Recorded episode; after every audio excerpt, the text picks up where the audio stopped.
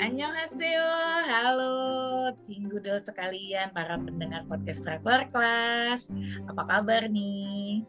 Ketemu lagi kali ini dalam episode kali ini ada saya uh, Joswini alias Dwi Tobing dan classmate Drakor Kelas. Satu lagi rekan saya kali ini kenalkan diri dulu atuh. Neng. Deka. Nah, nah, nah. Gitu doang. Eh, kak, gitu doang udah udah gitu doang lama. Eh, kita udah lama, aku udah lama hmm. loh ini gak podcastan drama. Belum dari kemarin. Iya nih.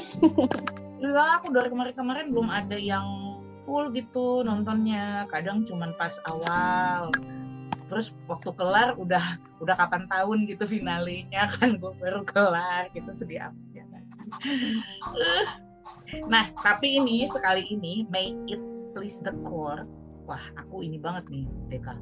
Uh, kemarin itu hmm. penasaran gitu. Penasaran hmm. dari awal, dari awal aja kan udah yang ih apaan gitu kan. Kejam apa apa namanya itu ya? Kasusnya kok miris banget gitu kan. Gara-gara hmm. itu sih kasusnya kok miris banget tapi uh, apa ya kayak biasa ya kan drakor ini selalu uh, episode akhir episode tuh me, meng, apa ya berujung dengan suatu pertanyaan gitu kan kita. Loh kenapa mm-hmm. gitu? Gitu yang dijawab di episode berikutnya. Nah ini May It Please ini aku begitu tuh. Makanya uh, ngikutin terus sampai selesai. Uh, ini kan baru finale ya? Kapan mm -hmm. ya kemarin finalenya? Di minggu lalu. Minggu lalu. Mm -hmm ini cerita dulu dong sama teman-teman para pendengar ini sih ini tentang apa sih ininya uh, iya Deka bisa cerita mm -hmm. Iya nih, lagi-lagi nih drama hukum ya kak ya. Oh, nampaknya iya, sesuai tulisan Deka juga ya yang barusan ya. Oh, uh, nampaknya drama hukum nih emang lagi happening tahun ini. Nah, ini ya, tuh ceritanya ya. tentang uh, ini sebenarnya ada kasus balas dendam, pembunuhan berantai gitu ya, menyasar orang-orang yang berkuasa gitu kan. Jadi uh, orang-orang berkuasa ini punya dosa di masa lalu gitu kan. Jadi kayak dia, mereka tuh dibunuh gitu kan. Cuman uh, ya tadi ya di situlah misterinya siapa sih pembunuhnya ini. Nah di sini diceritakan ada dua pengacara ya uh, si Beck, uh, si Beck sama Caki, Caki ya ya itu. No, Caki ya. Nah, ini tuh dua mm -mm, dua pengacara yang bertolak belakang ya. Caki ini pengacara terkenal dari firma hukum besar, tingkat kemenangannya 92% ya. Jadi yang dibela hmm. pasti klien-klien kaya ya, sepatunya branded, selalu pakai yeah. tinggi. Yeah. nah, terus ada si Beck ini yang jadi pengacara publik. Padahal dia dia itu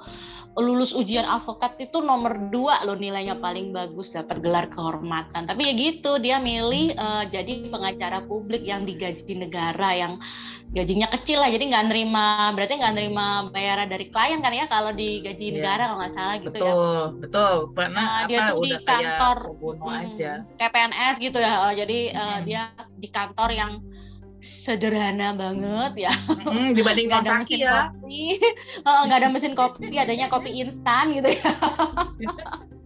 ya itu. Dan mereka itu ketemu di pertama kali mereka ketemu di kasus obat.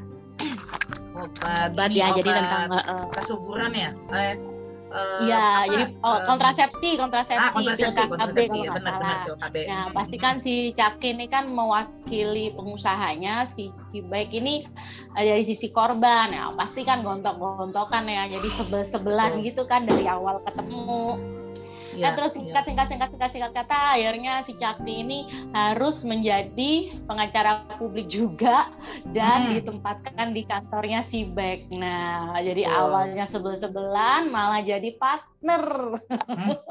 Oh. gitu. Dan, dan, dan di udah di ini Mm-mm. Dan di situ penonton udah mulai berharap ada romance. Ah, Biasa kan bisa Kak Drakor habis sebel-sebelan pasti suka-sukaan gitu. Ya, gitu kan gak salah genre, salah genre. nah, itu kalau genrenya romcom. Ini kita genrenya uh, apa sih lo ya? Uh, hukum, hukum oh, dan misteri juga dan kak misteri. ini. Oh, ya, misteri. misteri. Ini sebenarnya hmm. ya kalau aku uh, merasa ya film ini um, agak terlalu kejam ya.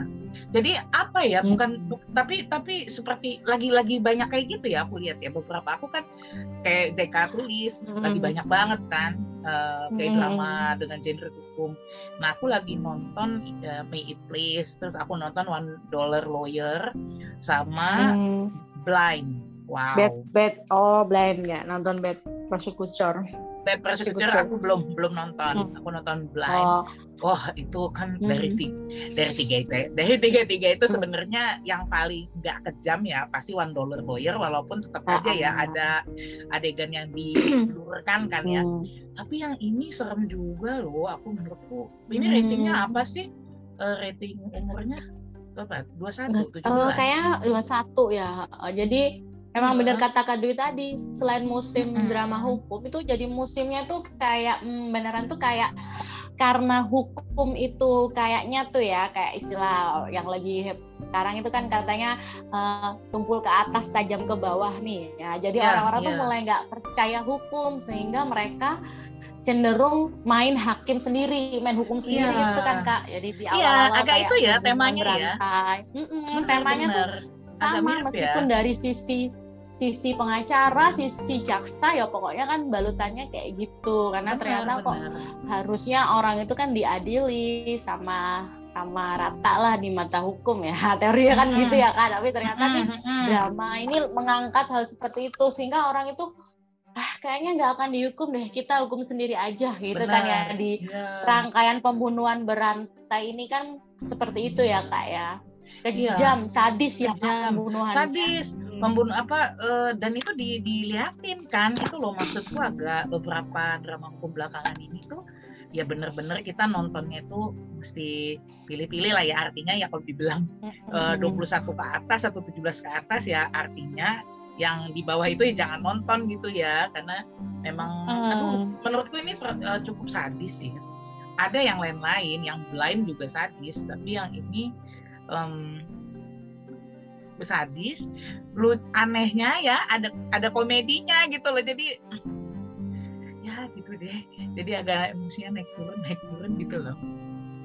-uh ya kan terus tapi um, emang selain naik turun bikin penasaran ya kak ya mana oh iya, betul. mana ini ini drama itu seminggu sekali meskipun cuma dua episode dan nggak dikasih preview ya kak jadi kita nggak ya, bisa menerka habis habis ya. aja kita pasrah kan? pasrah kita pasrah pasrah apa pun yang terjadi ya udahlah itu kan nah aku ya dari awal uh, kan ini ceritanya kan si Caki Noh Cakinya yang pengacara dari pengacara bergengsi turun jadi uh, pengacara publik gitu kan.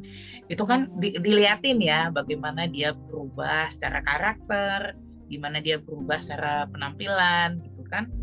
Itu juga apa ya walaupun ditunjukkan juga kan dikit-dikit masih ada tuh masih ada gaya-gaya zaman dulunya tuh masih ada juga kan.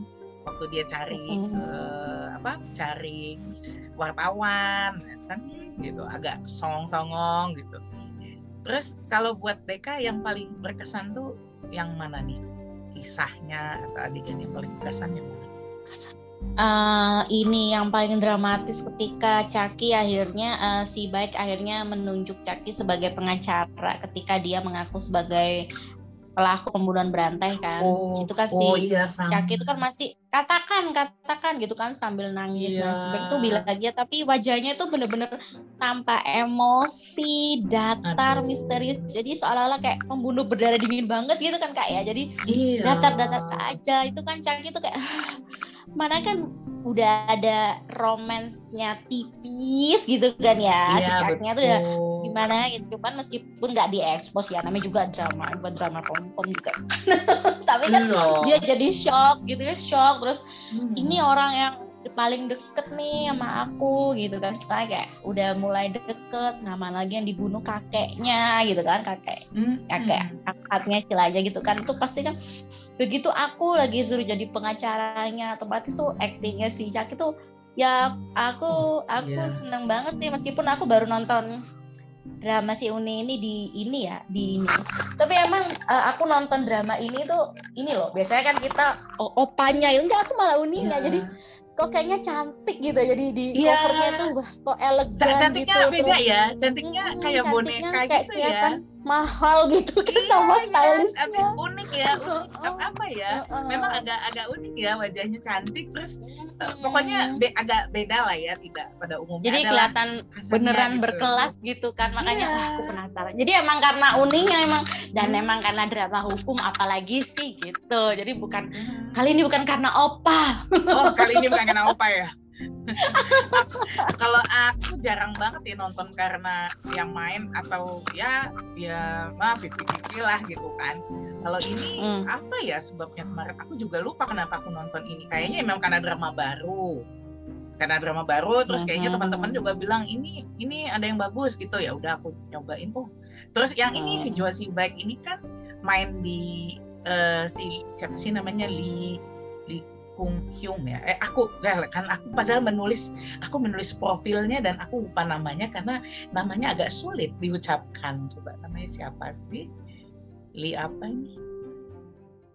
Li Coba coba siapa namanya? Li Kyung Li Kung Hyung pokoknya belakangnya Li gue tengahnya lupa kacau. Coba coba li li li li, li. wait Lee Kyu Hong Lee Kyu Young ah dia ini main di ini loh. Dia ini main di Stranger. Ah. dia main di uh, uh, apa Prisoner Prison Playbook. Banyak banyak dia banyak banyak mainnya. Dan dia itu latar belakangnya teater sebenarnya. Jadi agak mm-hmm. se, se, semirip mirip si itu loh. Uh, Cho Sung Woo abang kami. Agak-agak mirip. Jadi mereka memang gedenya di teater uh, lalu masuk ke drama gitu. Nah jadi yang aku yang berkesan juga itu Deka waktu si cakinya nangis jadi selesai dia dengar kan, begitu dia dan si si si baiknya kan jawabnya uh, aku minta maaf kan gitu ya. Bukan iya, bukan tidak, tapi aku minta maaf ya ampun tuh ada yang adegan si Nocakinya kayak keselok gitu loh. Lihat nggak? Aduh, terus terus dia yang keluar terus nangis terus yang yang kayaknya kayaknya sesak banget dadanya gitu yang sampai mukul-mukul gitu aduh itu itu pokoknya itu memang paling berkesan lah. Terus eh, yang aku suka lagi dari drama ini apa ya cara menyajikannya itu loh. Um, dia eh, dikit-dikit gitu loh jadi penasaran. Malah aku kirain si A kan? Kan pertama kali ditunjukkan itu jam tangan ya Iya. Kan, ah, jam, tangan, jam tangan, kodenya, uh, dan kan? ternyata jam tangan yang punya nggak si back doang gitu kan? Ah, ah. jam lama jam tangan. Lalu di episode berikutnya tuh kelihatan si si back pakai itu terus bawa mobil kan, bawa mobil yang uh, kuncinya itu gantungannya sama simpulnya dengan uh, di di tersa apa di korban gitu. Wah, ya. masa masa episode 2 langsung udah tahu siapa penjahatnya lucu aja kan? Terus itu juga Kak talinya, talinya. Ya. talinya, talinya kan yang dibuat Nali itu kan si Bek buat Nali pizza ngasih ke panti asuhan. iya, jadinya jadinya kan kita apa ya? Maksudnya masa sih, masa sih gitu kan? Kok gampang banget gitu menurutku ya. Masa kan jarang sekali ya eh, leadnya jadi villainnya kan jarang ya. Biasanya kan hmm. uh, villainnya siapa ini siapa. Tapi itulah menurutku cara menyajikannya juga bagus. Pelan-pelan di, di ada satu misteri keluar lagi ada misteri keluar lagi. Aduh keren banget deh. Terus kalau aku ya menurutku si karakter si Nochaki ini paling kesian lah hidupnya. Ya enggak sih?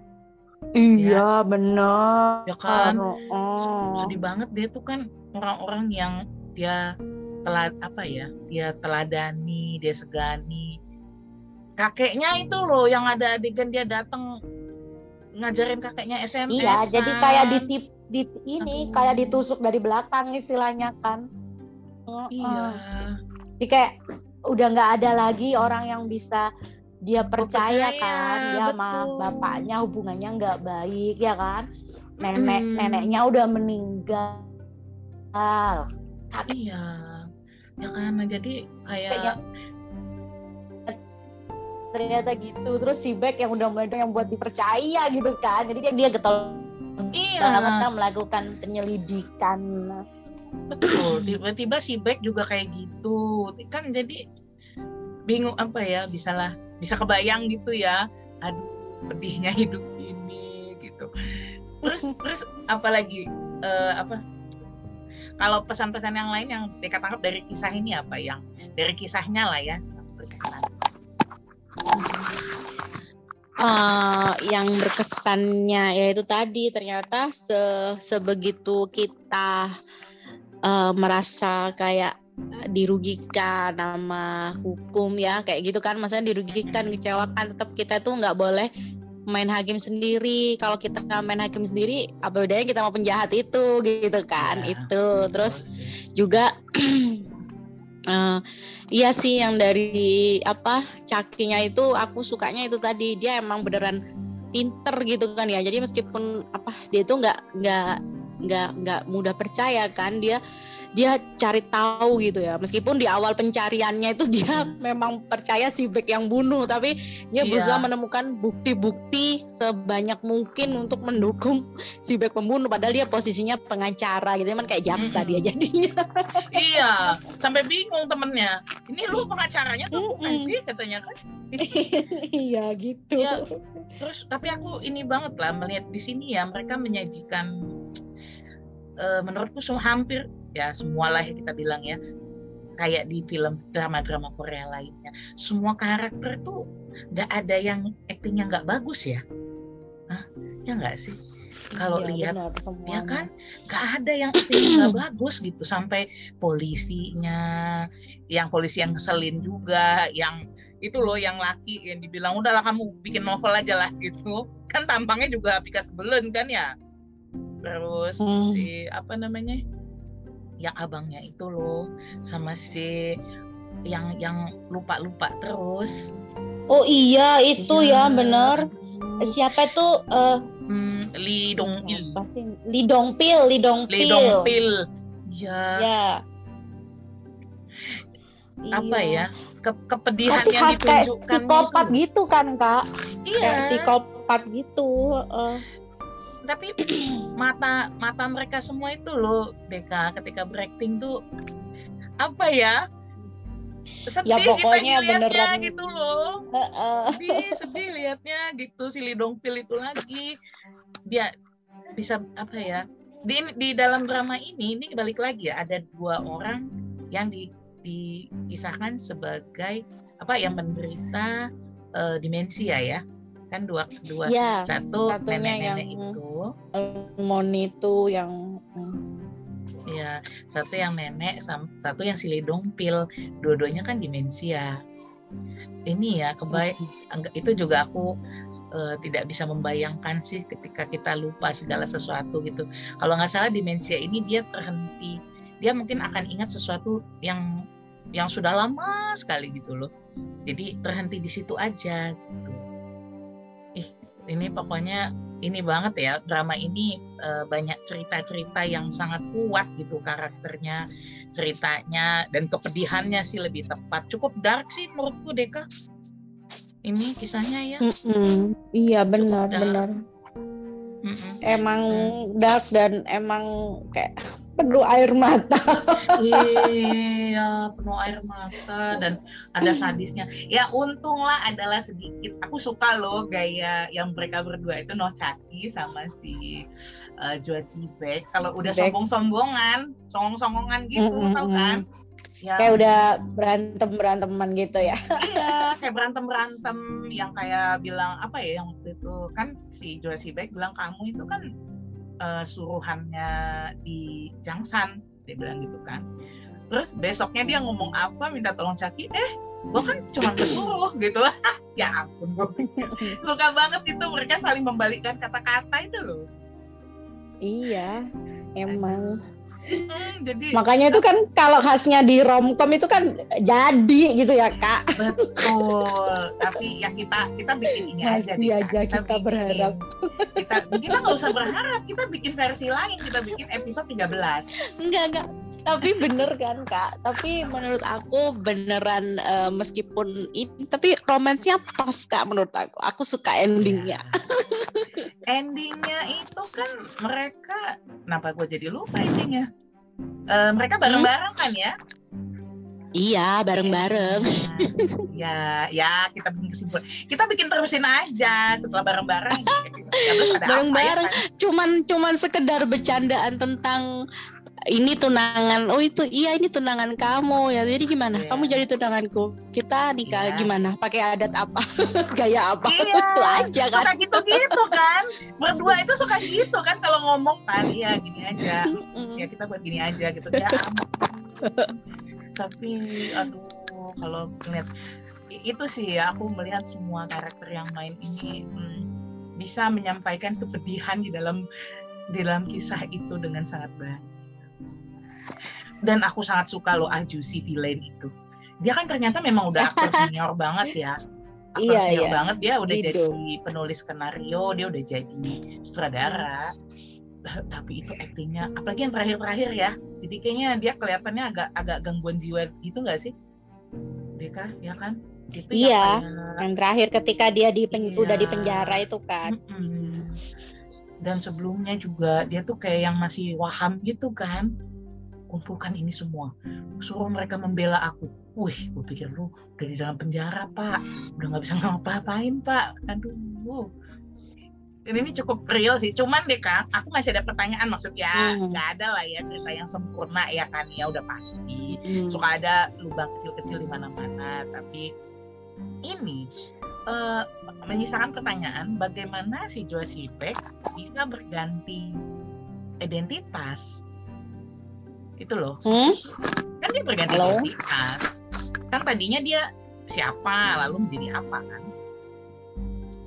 si Josie iya. Beck ini kan tadinya bukan Josie Beck gitu loh tapi dia ambil satu jadi ada dua orang kan yang berganti identitas si kakek kan juga berganti identitas tapi kan nggak dikisahkan proses. Ah, iya itu cuma ah. di digantung uh, yang kakeknya digantung kak cuman yang si Beck kan akhirnya di di ini kan diterangin lah diterangin dikit.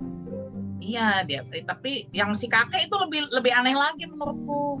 Kan dia tadinya apa ya? Ya daripada gua spoiler ya gua bilang aja apa gitu kan. Tadinya dia apa? Karena tadinya karena dia ada pergantian itu makanya nggak nyambung aku di awal. Apa ya mengaitkan orang ini semua kan gitu ya. Aku tadinya masih berharap kok bahwa si kakek ini bukan villain dalam arti gue nih drama banyak banget sih villainnya. Ih sekarang lagi musim kayaknya ya? Multi villain iya. Mm-hmm. semua drama lawyer dan pengacara dan hukum-hukum ini kayaknya villainnya minimum dua apa tiga gitu nggak sih? Mm-hmm. nah ya udah jadi ya itu sih bagian itu yang aku masih uh, di situ nggak dijelasin. Gimana sih bapaknya yang tadinya profesinya A lalu mencuri identitas lainnya menjadi B. Nah, tapi kenapa bisa jadi law firm Jangsan gitu loh? Kan nggak nggak kan gede kan Jangsan itu bukan dia sekedar Oh bukan kak, kayaknya Jensen itu bukan bapaknya si Gido, tapi mertuanya. Ingat nggak yang istrinya itu ngancem ya kamu ingat uh, apa? Uh, aku yang mem, orang tuaku yang memberikan kantor hukum ini ke ayah ke kamu gitu. Haran kan pernah bilang gitu atau episode berapa. Ya, jadi ya, kalau ya. jansannya bukan bukan bukan dari bapaknya si apa? Siapa? Uh, si kakek ini nah, bukan. Nah. Uh, uh. tapi kan yang bermarga Jang adalah Jang Gido dan kakek. Haran kan tidak. Makanya gue bingung iya, makanya iya. aku tadi makanya aku tadinya kirain aku tadinya kirain uh, si kakek itu bapaknya hmm. Haran Jang Gido ini menantunya. Gue kirain tadi gitu.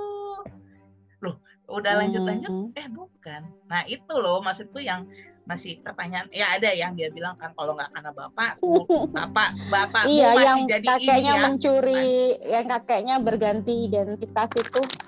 Iya. Uh-uh. Itu sih yang kakeknya eh, apa berganti identitas itu memang cuma cuman sedikit Ceritain, tapi mm, cuman cuman, cuman dikisahkan ternyata aja ya. se- polisi polisi mil- ya polisi yang kejam gitu kan polisi yang Benar. kejam dan menyiksa. Cuman pencurian identitasnya itu nggak dikasih tahu. Benar. Ya bagian itu sih aku masih jadi apa kok ya kita anggaplah nggak usah namanya pun drama ya deh kayak kalau terlalu dipikirkan nanti kita pusing. Ya nggak sih namanya juga drama. Terus terus em, jadi itu sama sih aku sih nangkep pesan yang sama sih Deka. Kan si si Joashi Beck ini eh, dia tetap mau menyelesaikan segala sesuatu itu dengan cara hukum kan? Makanya dia kesel gitu kenapa dibunuh-bunuhin? Gitu. Kita kan mau maju secara hukum gitu. Ya itu sih yang aku eh, berkesan juga ini dalam hatiku. Ah syukurlah lead female eh, lead, lead male-nya tetap anak baik gitu lah. Si baiknya beneran baik gitu loh. Iya bener. Ya syukurlah gue pikir nggak nggak jadi villain mendadak. Ah jadi gimana nih menurut Deka? Rekom apa enggak nih? May it please the core rekom banget. Rekom banget kak. Sama gue juga rekom ini. Ya, paling dengan catatan bahwa ada adegan-adegan kekejian dan sadis ya. Itu aja sih ya. Kalau dari segi Hmm. jalan cerita dari segi acting apalagi hmm, oke mantap yang ini. Baiklah kalau begitu Deka ada lagi nggak nih tentang May It Please the Court yang belum kita sampaikan? Kira-kira. Pokoknya drama ini bagus menurut aku ya. Eh, pas banget. Porsinya 12 ya Kak ya, 12 ya 12 episode. pas. Ya betul. Eh, eh, jadi eh, misterinya disajikan selapis demi selapis. Dan Ya, meskipun ada sedikit yang tidak terjawab tapi recommended dan tenang recommended. aja tetap ada eh, romansnya dikit, manis-manisnya dikit kok ya. Ya, betul, setuju. Oke deh Deka. Buat Oke pendengar sekalian, silahkan loh yang buat eh, recommended dari kami berdua untuk menonton May It Please the Court dengan catatan eh, bagi yang tidak tahan dengan adegan-adegan yang sadis, ya bolehlah di skip dulu ya Deka ya. Tapi kalau Hmm, untuk kalau yang melihat itunya boleh skip skip. Betul. Tapi kalau dengan jalan cerita, kekuatan acting para castnya, wah ini mah mantap. Kalau Yes. begitu kita pamit dulu. Jangan lupa ya pendengar Oke. selalu ikuti eh, berbagai tulisan yang terinspirasi dari drama Korea di website kami www.drakorclass.com dan ikuti juga eh, berbagai medsos kami di Facebook, Instagram, TikTok, dan YouTube dan juga podcast. Em, apa kalau ini nih kalau pendengar mau menulis artikel tentang uh, Korea, segala budaya Korea dan juga mungkin review atau apa pun yang ter- eh, terinspirasi drama Korea boleh jadi guest post loh. Boleh kirim tulisannya ke alamat email kita apa Deka? Drakor drakorclass at gmail.com ya. Drakorpas@gmail.com ya. Ya, drakorclass@gmail.com. Sekian dulu dari kami berdua. Eh, sampai ketemu di episode berikutnya. Bye.